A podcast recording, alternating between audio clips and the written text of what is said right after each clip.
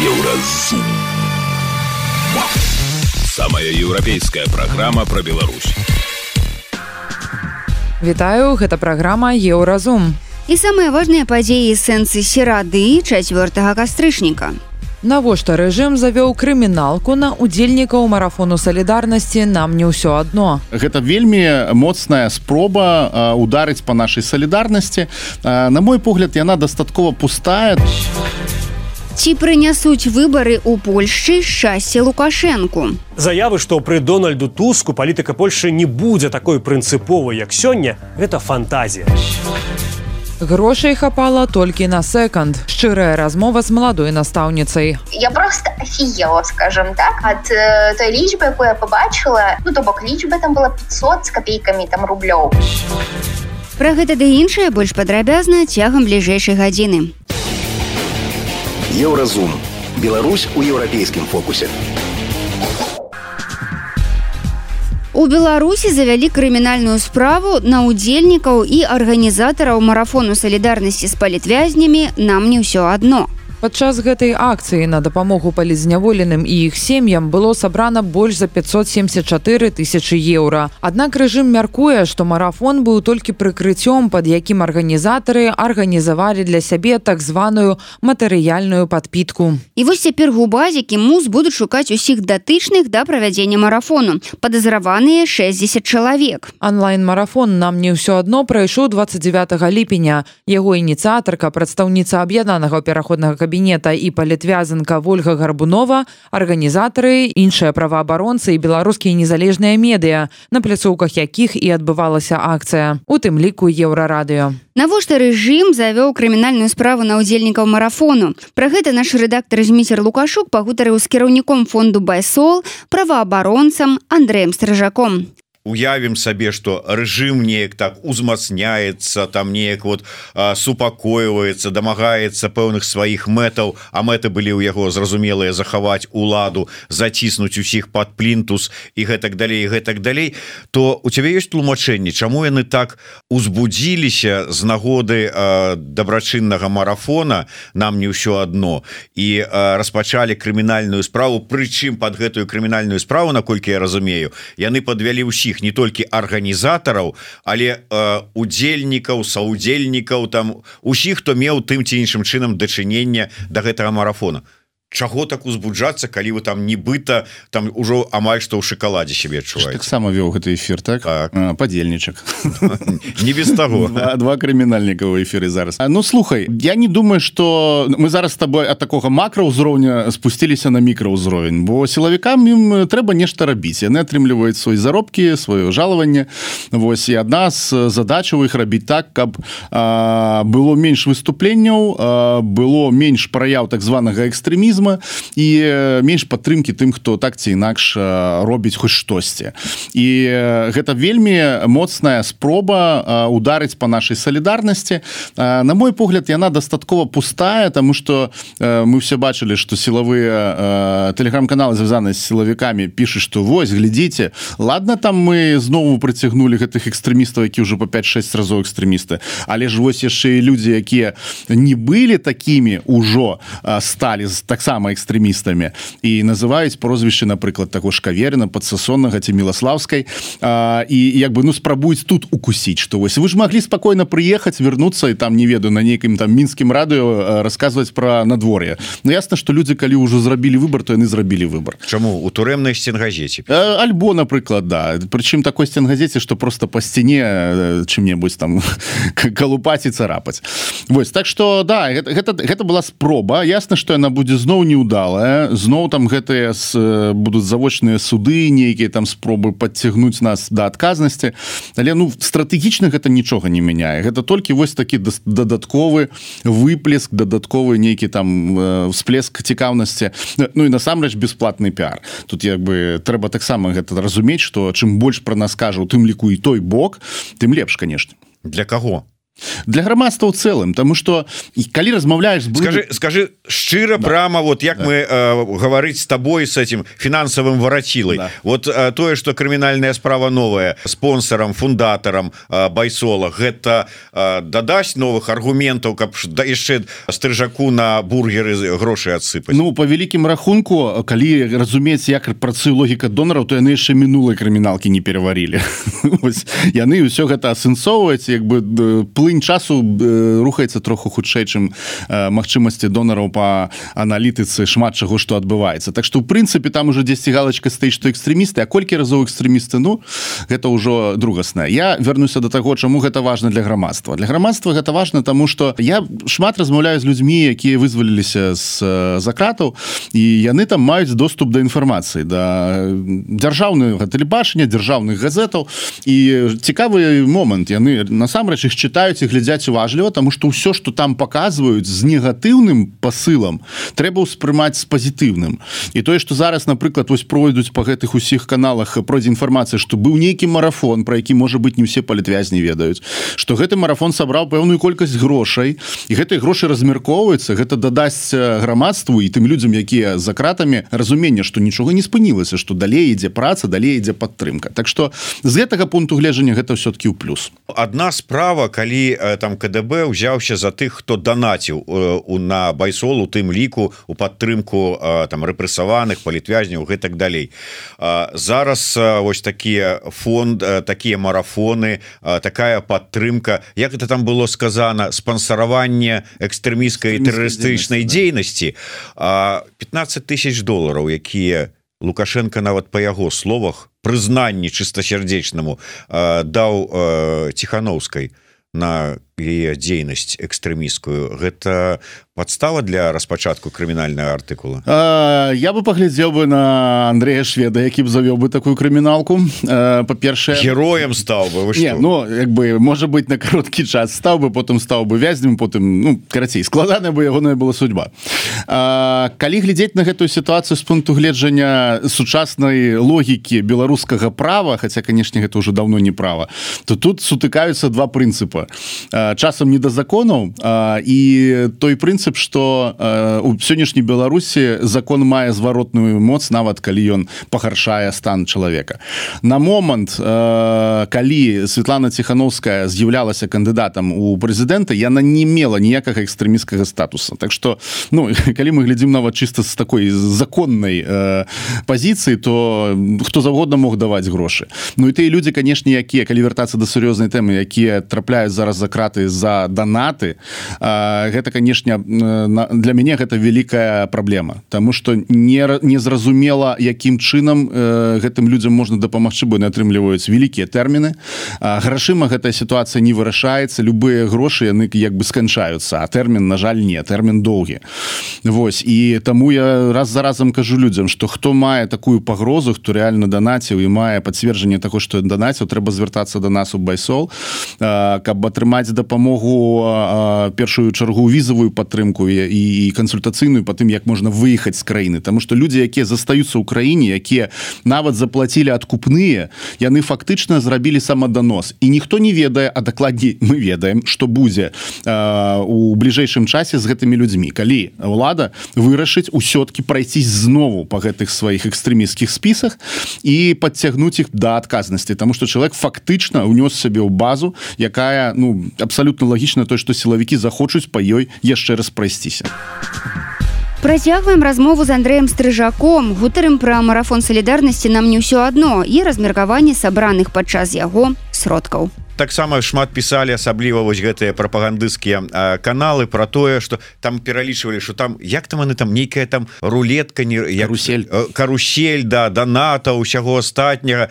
Краці кажучы расскажы шчыра. Ну все ж таки вот мы с тобой сабраліся ніхто нас не чуе. Расскажы па як там гэтыя каруселі працуюць. Я не могу зразумець як на гэтым можна подняться Слухай Ну я думаю что еврорадыо все-таки хтосьці глядзіць і слухае так что хтось яшчэ камець тебе Ну, тады яшчэ рэжысёра пачуе тое што зараз Тады і іншых навучым як разбагацець значит сістэма працуе так. Ёсць э, сусветна вядомая э, кампанія э, паслугамі якой карыстуюцца і э, інтэрнэт-крамы і той самы Facebook і іншыя розныя сістэмы э, плацяжэй якая называется страйп зрабіць там нейкая нейкую інтэрвенцыю альбо нейкую махінацыю ну тэхнічна немагчыма тому что яна атрымлівае дадзены наўпрост ад банкаўскіх э, транзакцый на сябе А, гэта магчымасць хутка і дастаткова эфектыўна сабраць грошы дзякуючы гэтаму функцыяналу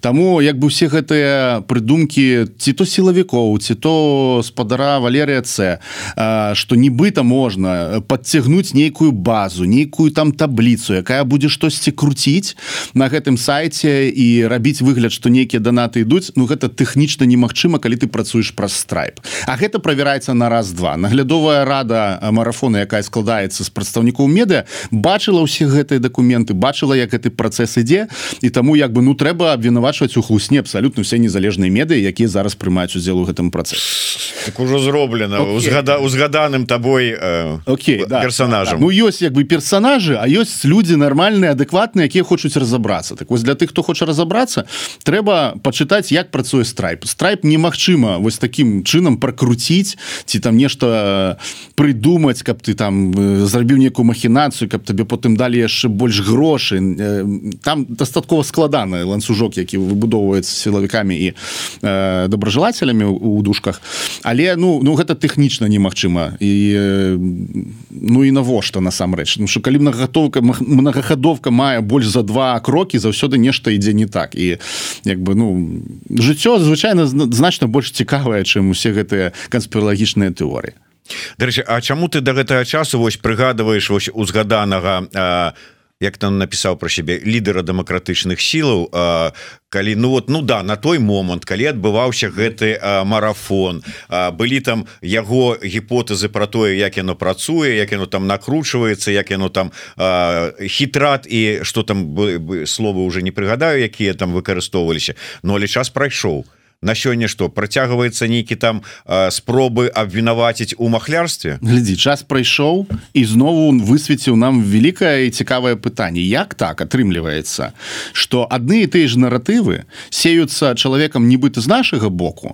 і сілавікамі? Э, хочу э, звярнуць увагу что наконт э, гэтай крымінальнай справы выйшла некалькі камунікатаў афіцыйных. Ад міністэрства ўнутраных справ ад следчага камітэта ну і ад нейкіх там по-моему ад губазікаў ці не, не могу памыляцца яны даюць тры розна накіраваныя асноўныя наратывы. Першы наратыў якім кажацца что гэта фінансаванне экстрэміскай дзейнасці тут усё лагічна тому что ёсць такі артыкулы іх яны па ім і працуюць. Под козырёк узялі пагон атряхнули і пайшлі.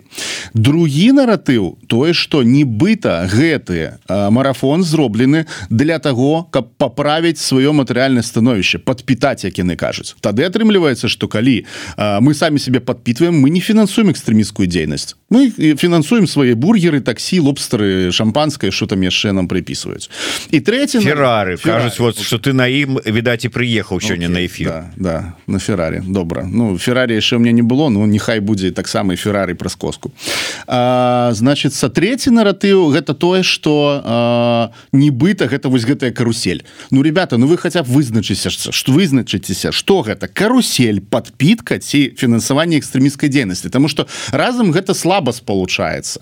Але у іх у галовах гэта нормально спалучаецца на, на жаль не толькі ў іх галовах.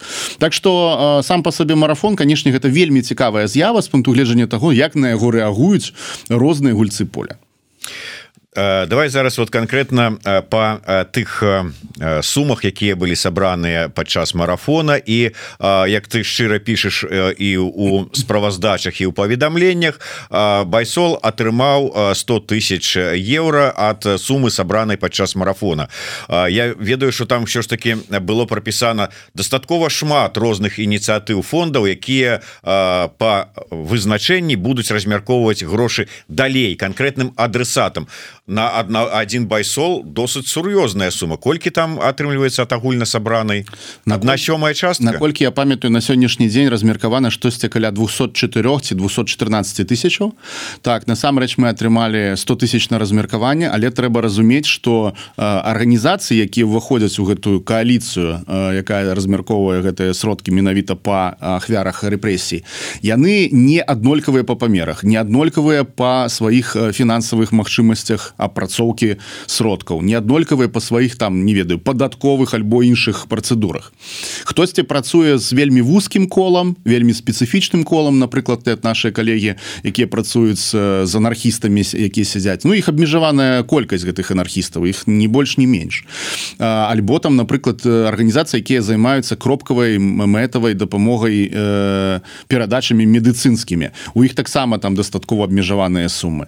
І, і калі паглядзець а аб'яднаны пераходны кабінет дае дакладную справаздачу якая арганізацыя колькі атрымала можна і мець разуменне на якую мэтавую аўдыторыю працуе тая ці іншая арганізацыя байсол арганізацыя адна самых вялікіх і мы голасна заявілі про тое что з гэтай з гэтых 100 тысяч мы можем выплаціць 200 сем'ям і вось мы атрымалі ў панядзелак гэтую суму в аўторак мы 50 заявак уже закрылі. Зараз рыхтуецца яшчэ каля 40 і вось так я думаю что мы 10 дзесьці на працягу месяца закрыем гэтую суму і будемм глядзець что далей. Тому что есть неразмеркаваныя сродкі. Наглядовая рада прыме нашу справаздачу паглядзець заявки паглядзець кому грошы пайшлі. Сваім аўтарытэтам гэта все заверыць там что мы не можем перадаваць гэту інфармацыю третьим асобам только вось наглядовай радзе. І будемм глядзець что будзе далей тому что патрэба ёсць людзі якія патрабуюць дапамогі таксама ёсць ёсць яшчэ грошы. Так что я думаю что мы побачым яшчэ навіны ад э, арганізатараў марафона про то як яны далей будуць іх размяркоўваць. Мы слухали кіраўніка фонду байсол Андрея стрыжака. Ён распавёў пра размеркаванне сродкаў сабраных на марафоне салідарнасці і паразважаў наконт таго навошта сілавікі завялі крыміналку на яго удзельнікаў еўрарадыё кропка фм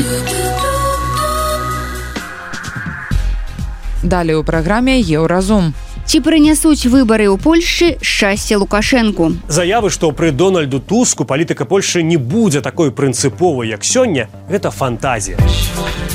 Грошай хапала толькі на секонд шчырая размова з маладой настаўніцай я просто офігела скажем так ад э, той лічбы якую я побачыла ну то бок лічба там была 500 з копейкамі там рублёў сустрэнемся пасля навінаў спорту.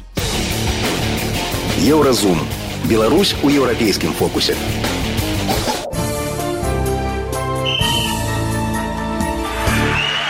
На еўрарадыё навіны спорту. Чэмпіянат Еўропы 2028 года по футболе пройдзе ў Великабрытаніі і Ірландыі. Іх сумесная заяўка засталася адзінай, паколькі Турцыя сваё адклікала. Турэцкая федэрацыя вырашыла разам з італьянскай прэтэндаваць на кантынентальнае першынства 2032 года. УЕФА агучыць рашэнне 10 кастрычніка на пасяджэнні ў Уньёне. У чатырох групах футбольнай лігі чэмпіёнаў адбыліся матчы другога тура. Напалі прайграў мадрыдскаму рэалу два-тры манчестер Юнайтед з такім жа лікам галатасараю. Ланс на сваім полі перамог лонданскі арсенал 2-1. Батэ ў перанесеным матчы чэмпіянату беларусі па футболе прайграў энергетыку бДУ 01 парысаўчане няўдала правялі тры апошнія матчы два паражэнні і адна нічыя. У першынстве лідыруе мінская дынама 51 очко у нёмана 48 матчы 24 тура стартуюць у пятніцу у 5 кастрычніка ў мінску пачнецца трэніровачны збор жаночай зборнай беларусі па гандболе. На яго выклікалі 30 гандбалістак. 10 з іх выступяць за мяжою клубах польшчы румыніі ізраіля і рассіі Вікторыя азарынка пераабраны ў савет гульцоў жаночай тэніснай асацыяцыі. Агулам у яго ўваходзяць 8 тэнісістак таксама з ЗША францыі канады аўстраліі сербіі і харватыя іх паўнамоцтвы скончацца праз два гады. Гэта былі навіны спорту на еўрарадыё. Заставайцеся з намі. Еўрарадыё. Моц настрою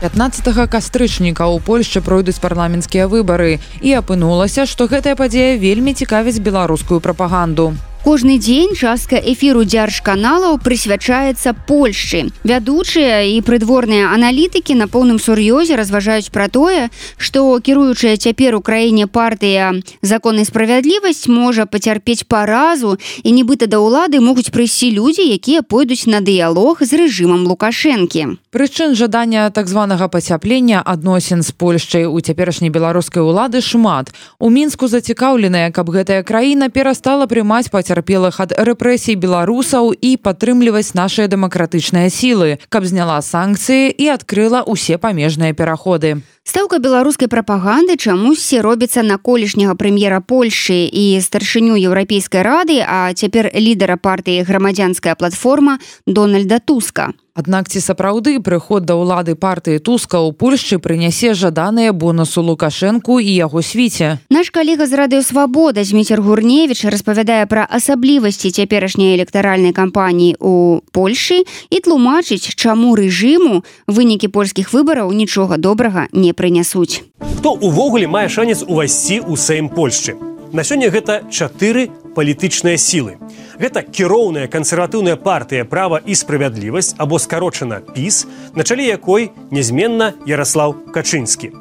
Асноўны канкурэнт пісу гэта памяркоўная ліберальная партыя грамадзянская платформа, якую узначальвае Дональд Туск. Затым ідуць левая, пасля іх цэнтрыская кааліцыя трэці шлях і права нацыяналістычная канфедэрацыя. Іншыя сілы, як сведчаць сацыялагічныя дадзеныя, не ў стане пераадолець выбарчы парог. У Польшы гэта 5соткаў. Дык хто мае найбольшыя шансы перамагчы? На сёння гэта права і справядлівасць. Гэтая кансерватыўная партыя кіруе Польшай ужо амаль 8 гадоў. Часам яе называюць правай, часам нацыяналістычнай, а часам і папулісткай. Яе нязменны лідар ужо 18 гадоў Ярослаў Качынскі піс падтрымлівае статус польшчы як краіны нато стратэгічны саюз ЗША і сяброўства ў еўразвязе. Частка палітыка ў гэтай партыі публічна крытыкуе еўразвяз за празмерны ўплыў на краіны еўрасупольнасці а еўразвяз у сваю чаргу уводзіў санкцыі супраць польшчы за судовую рэформу польшчы. Таму часам піс называюць еўраскептычнай партыі Але трэба разумець, што гэтая партыя ніколі не заклікала выйсці з еўрасупольнасці і нічога не рабіла ў гэтым кірунку. Урад правай справядлівасці выступае за моцную падтрымку Украіны і прымае мільёны украінскіх уцікачоў. Урад піс спрыяе і беларусам, якія пакідаюць краіну праз рэпрэсіі, небяспеку і горшы ўзровень жыцця. Піс крытыкуе Лукашэнку і Пуціна, Polska jest otwartym domem dla wszystkich Polsza Białorusinów, którzy odkryty potrzebują pomocy. Дом Паводле сацыялагічных апытанняў запіс гатовыя галасаваць больш за траціну палякаў. Гэтага можа быць недастаткова, каб кіраваць самастойна і тады пісу давядзецца ствараць кааліцыйны ўрад. Упэўнена можна сказаць, што такім партнерам не будзе грамадзянская платформа, галоўны канкурэнт права і справядлівасці. Хаця у лукашэнкаўскіх прапагандыстаў чамусьці досыць вялікія спадзяванні на Дональда Туска. Но и главное, при Туске ведь войны не было и огромных трат. И как бы ПИС не придумывала себе мнимых внешних врагов в лице Минска и Москвы, этот очевидный тезис бить попросту нечем. Заявы, што пры Дональду Туску палітыка Польшы не будзе такой прынцыповай, як сёння, гэта фантазія. Грамадзянская платформа, як і права і справядлівасць, мае свае карані ў антыкамуністычным руху салідарнасць. Партыя ўжо 8 гадоў кіравала Польшчай. І яе стаўленне да Лукашэнкі нічым не адрознівалася ад стаўлення пісу. А Дональда Туска яшчэ ў сярэдзіне двухтысячных гадоў нават уносілі ў чорны спіс у Беларусі, нібыта ён нясе пагрозу канституцыйнаму ладу ў беларусі. Грамадзянская платформа таксама падтрымлівала беларускія дэмакратычныя сілы і незалежныя сМ што да беларускага пытання або падтрымкі украіны паміж партыямі туска і пісам няма ніякай розніцы. Niech żyje wolna Białoruś. Tam widzę flagę białoruską, więc За грамадзянскую платформу сёння гатовыя прагаласаваць 26соткаў палякаў. У левых і трэцяга шляху стаўленне да падзею Беларусі ідэнтычнае. адзін з лідараў левых гэта дэпутат еўрапейскага парламенту роберт бедрань ён узначальвае там групу дэпутатаў якая акурат і займаецца супрацаю з беларусю але дэмакратычнай а не лукашэнкаўскай самому бедранню дарэчы раней таксама адмаўлялі ва ўездзе ў Беларусь левая маюць 9 процентаў падтрымкі а адзін з лідараў трэцяга шляху шыман галоўня публічна заклікаў уладу Польшчы падтрымліваць беларусаў, якія цярпяць пераслед на радзіме. І для вялікай справы, о którą dzisiaj walczycie. Жыве Беларусь. Тэарэтычна, калі праву справядлівасці будзе бракаваць галасоў для самастойнай уладу Польшчы, палітыкі трэцяга шляху не выключаюць кааліцыі спісам, але пры ўмове, што ў кааліцыі не будзе канфедэрацыі некаторыя палітыкі канфедэрацыі пазітыўна выказваліся пра лукашэнку і не былі заўважаныя ў падтрымцы дэмакратычных сілаў у беларусі. Калі б яны перамаглі і стварылі ўрад то магчыма сітуацыя беларусаў польшчы магла б змяніцца.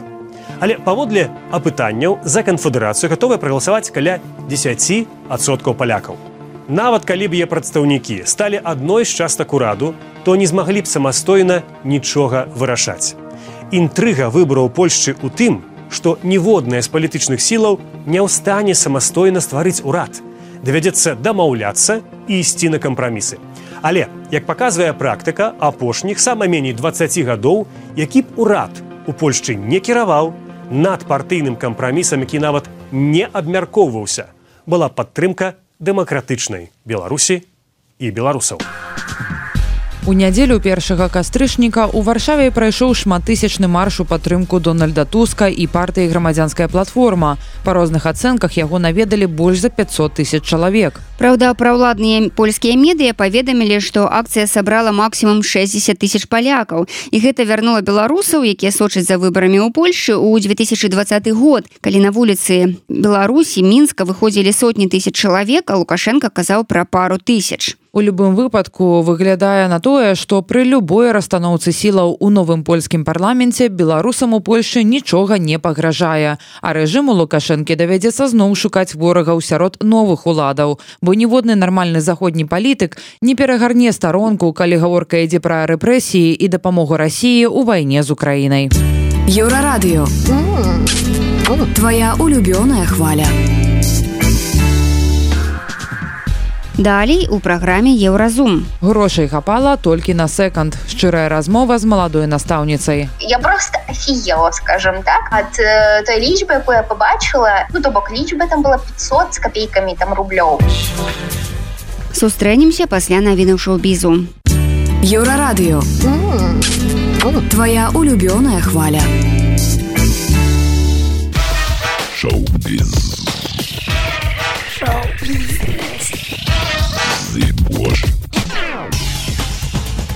Вітаю гэта навіны шоу-бізу з беларусі выехаў музыка і паэт мікіта найдзёна асуджаны на хатнюю хімію ён напісаў у нстаграм што цяпер жыве ў польшчы столькі ўсяго здарылася са мной за апошнія паўгады іранічна піша найдзёна у такая фактура хоць у стендап хоць на новы зборнік мікіта найдзёна у былы фрагмент гурта хурма ён напісаў шмат песень для розных артыстаў а таксама перакладаў тэксты сусветных хітоў на беларускую мову. У 2015 стаў лаўрэатам прэміі залаты апостраф у номінацыі дэбют за найлепшую публікацыю вершаў у часопісе дзеяслоў. Сілавікі затрымалі найдзёнава ў сакавіку сёлета за ўдзел у паслявыбарчых акцыях пратэсту 2020 і абвінавацілі па артыкуле актыўны ўдзел у дзеяннях, якія груба парушаюць грамадскі парадак. У ліпені яго асудзілі на тры гады хатняй хіміі і вызвалілі. Андрусь Такіданг прысвяціў песню беларускаму добраахвотніку міраславу лазоўскаму які ў траўні загінуў у бахмуце музыка быў асабіста знаёмы з ім. Песня атрымала назву шэры камень днямі такіданг прэзентаваў кліп. У мінску міраслаў займаўся культурай распаўсюджваў кнігі я часам сустракаў яго на канцэртах імпрэзах засяроджаны спакойны ён выглядаў як шэры моцны камень кажа праваяра музыка. Навіна пра ягоную смерць прыгаломшыла музыку і песню ён пісаў са слязьмі на вачах. Я хацеў бы каб усе беларусы захавалі жыццё і здароўе але здараюцца такія сітуацыі калі нехта адзін ахвяруе сабой каб зберагчы іншых. Цытуе слова андруся такі данга будзьма орх зорка Голлівуда Ідрыс Эльба праходзіць доўгатэрміновы курс тэрапіі, каб перамагчы незвычайную залежнасць, піша Афіша Дэйлі. Акцёр ужо год змагаецца з працагалізмам і гэтая асаблівасць замінае яму пабудаваць здаровыя адносіны з навакольнымі. Хтосьці будзе расчараваны, даведаўшыся, што не ўбачыць родных цэлыя паўгода, а я толькі кідаюся ў гэта з галавой, атрымліваю вялізныя грошы. У жыцці трэба шукаць баланс, нельга ўдарацца ў крайнасці, падзяліўся сваім меркаваннем Эльба. Ён мяркуе, што ў аснове яго залежнасці ляжыць атрыманы ў дзяцінстве досвед. Так акцёр успомніў, што яшчэ дзіцём прыкладаў вялізныя намаганні, каб уразіць уласную маці. Гэта былі навіны шоу-бізу, заставайцеся на хвалях еўрарадыё.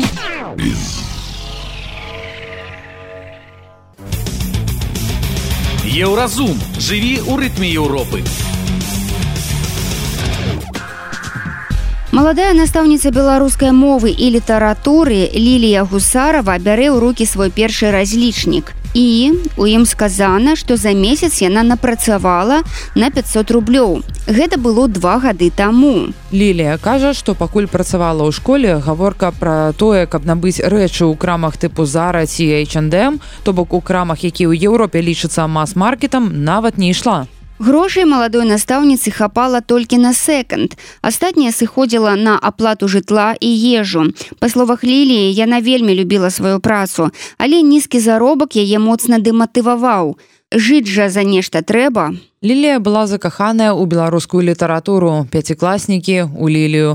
У двадцатым годзе дзяўчына два тыдні правяла ў ічу. І з 21 года ў школе яна больш не працуе. Днямі да еўрарадыо патрапіў разлічнік пачатку два стагоддзя. У ім пералічваюцца імёны настаўнікаў якія выкладалі ў звычайнай беларускай школе. І нас моцна ўразіў гэты спіс. Сярод тых хто навучаў беларускіх дзетак стагоддзя таму літаратарка акторка і педагог паўліна мядзёлка мастак і фальклорыст Язэб Драздович, аўтар купалінкі Владзімир Тэраўскі. Мы запыталіся ў ліліі, ці магчыма вярнуць такі ж прэстыж прафесіі настаўніка, каб пра 100 гадоў журналісты дзівіліся, якія ж крутыя педагогі вучылі дзяцей на пачатку 21 стагоддзя. Развагі ліліі слухайце ў рэпартажы еўрарадыё.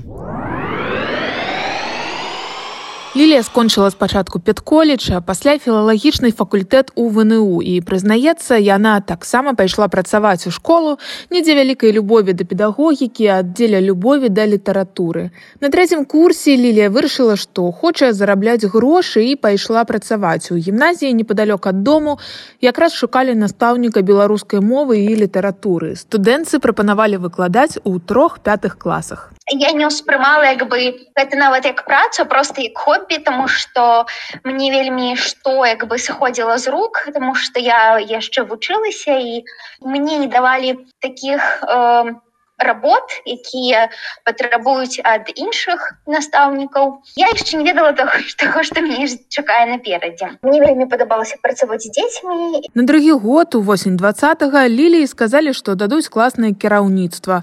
Першы месяц працы даўся надта цяжка. Праз тое што давялося ўпершыню ў жыцці запаўняць шмат паперак. Часам маладая настаўніца вылазіла са школы толькі о 9 гадзіне вечара цікаўнасці да маладога спецыяліста ніхто асабліва не выказваў і дапамагчы не прапаноўвалі бо ва ўсіх шмат сваёй працы. Але не гледзячы на стому ёй вельмі падабалася працаваць у школе. Ліля любіла і літаратуру і дзяцей Менавіта тады маладая настаўніца атрымала свой першы сапраўдны працоўны заробак і шчыра кажа я просто офігела скажем так ад э, той лічбы якую я побачыла. У мяне быў э, рахунак ну то бок лічба там была 500 з копейкамі там рублёў. При тым колькі я працавала колькі я сидела над гэтымі паперамі над усім гэтым. Ну далей канешне заробак у мяне быў 10 прыкладна 700 рублёў. Гэта вельмі мала. Калі я ўжо пачала калі мы развяліся з мужам я пачала здымаць пакой у мяне большая частка заробку сыходзіла на аплату кватэры прычым у мяне была не самая як бы дарагая кватэра ну я здымала просто пакой мы сябрам вырашылі зняць кватэру ось я за свой пакой там платила 120 долларов я платила. І гэта даволі невялікая сума з майго заробку была. Я аддавала ну і большая частка ішла на ежу. Там гаворка про тое что я могу там дазволіць сабе купіць нейкія рэчы які-нибудь край брендамі типу там ці H&M, ну такія крамы, якія з'яўляюцца мас-маркетам у Еўропе, про такое нават і гаворка не могла ісці ў беларусі я памятаю я вельмі шмат працавала ў школе ну то бок я яшчэ ну як бы там настаўніца захварэла. Я замест яе выкладала і мне там прыйшло 900 аж рублёў я себе змагла тады дазволіць купіць пінжак з зарым і для мяне гэта было просто вау тыпу нейкае дасягненне вялікае тому что я у асноўным набывала рэчы там секонд-хенда ці просто з рынку там. І неяк так жыла плюс я яшчэ падпрацоўвала у онлайн школе і ну неяк так выжывала вось на гэты грошы. Плюс у мяне яшчэ быў сабака. Ну таксама трэба было там і корм купіць. У восень двадцатого года лілію затрымалі. Калі яна сядзела ў ізалятары уже разумела што напрыканцы месяца зарплата будзе ну вельмі маленькай бо два працоўныя тыдні правяла ў турме Але надыходзіў яе дзень народзінаў і бацькі вучняў падарылі настаўніцу грошы шмат грошай. Прыкладна ўвесь месячны заробак лілі. Гэта было вельмі чулліва успамінае настаўніца. Цяпер лілія зайшла з адукацыі і працую журналістыцы. Кажа што заробак яе не вельмі вялікі але яна можа дазволіць сабе шмат таго чаго не магла дазволіць у беларусі у тым ліку вандроўкі Але справа не толькі ў грошах падкрэслівая настаўніца. Ёй хацелася б працаваць ва ўмовах калі ведаеш за цябе заўсёды заступяцца і перад бацькамі і перад калегамі і перад адміністрацыяй. Яшчэ адна праблема бясконцыя паперкі якія павінныя запаўняць настаўнікі замест таго каб рыхтавацца да урокаў і проста вучыць дзяцей Лілія кажа, што была прадая вярнуцца ў прафесію, якую вельмі любіла і зноў выкладаць літаратуру дзеткам, але гатовая зрабіць гэта толькі пасля рэформаў у адукацыі. Інфармацыйная служба еўрарадыё. Гэта была праграма Еўразум, штодзённы інфармацыйны падкаст еўрарадыё. Кожны дзень мы распавядаем пра галоўныя навіны Беларусі і свету. А сённяшні выпуск скончаны. Беражыце сябе. Пачуемся. Еўразум. Самая европейская программа про Беларусь.